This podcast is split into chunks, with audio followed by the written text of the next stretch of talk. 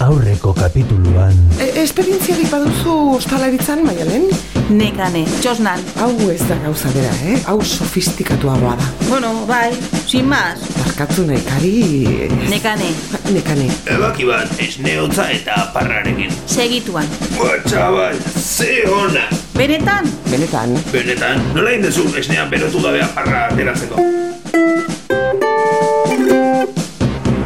2008ko martxoan supermerkatuko kajera bikote bat funtsezko langile bihurtu zen beraien ardura etzen pandemia baten ondorioz. Haien profesionaltasunari eta lan onari esker berehala irabazi zuten planetako kajera onenen titulua. Aurten, haietako batek funtsezko langile izaten jarraitu nahian, Euskal Herriko ondartza batean taberna bat zabaldu du. Eguzkia noiz aterako zain. Gaur estarrin Tesa Andonegi az Amaia, Miren Gogenola az Nekane, Iñaki Iriarte az Txino eta Jose Damon ez Jose Damon. Ez galdu gaurko kapitulua.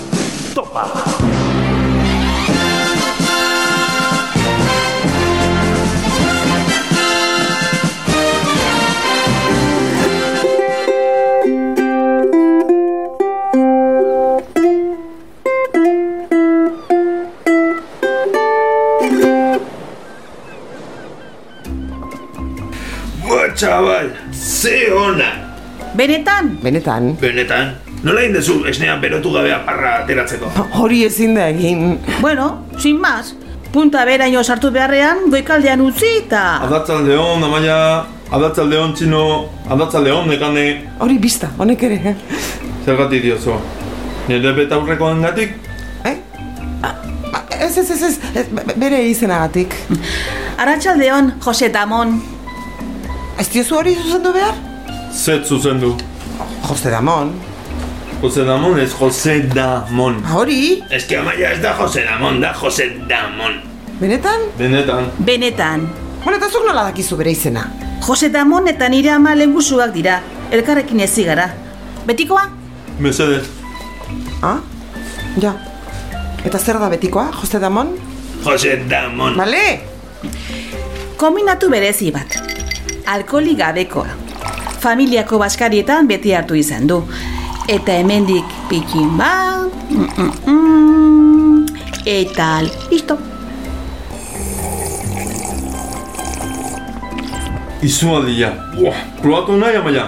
Ba, Ez dakit ba. Hori goxoa dago? Probatu. Ai ama, ze ona! Baina zer dara ma? Kariño pila bat. Ja, tira. Pila bat. Ikutetan jo, bai. Bueno, utzi berriketak. Beste gauza bat irakatsiko dizut orain. Zer? Ba, ba, ba, ba, ba, Oraindik ez dakit. Denbora pixkat behar dut. Ba, ez dakit denbora asko izango duzun, eh? Begira, Ai ama, giriz betetako autobus bat. Baina nola iritsiko zen onaino? galduta seguru. Ez dut uste. Gaur goizean onan entorrela ondartzarako kartela okertuta zegoela ikusi dut eta zuzen jarri dut. Ikulio batera bidaltzen zintuen. Traktore batek eman zion aspaldi. Bale, eta orain zer? Giriei edaten eman beharko diegu, ez da? Ja, baina... Nik launduko dizuet, tabernetan kriston esperientzia daukat eta. Zerbitzari? Ez, tabernetan. Ai amatxo maitia. Txan, txan, txan. lortuko aldute giri guztien egarria asetzea, Txan txan, Jose Damonek behingoz lan egingo ote du. txan txan, Onik aterako ote dira, ala sin mas.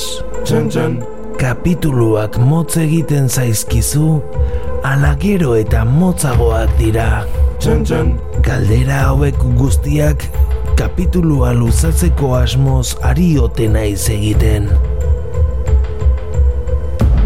txan txan. Zarantzarik gabe. Ez galdu urrengo kapitulua.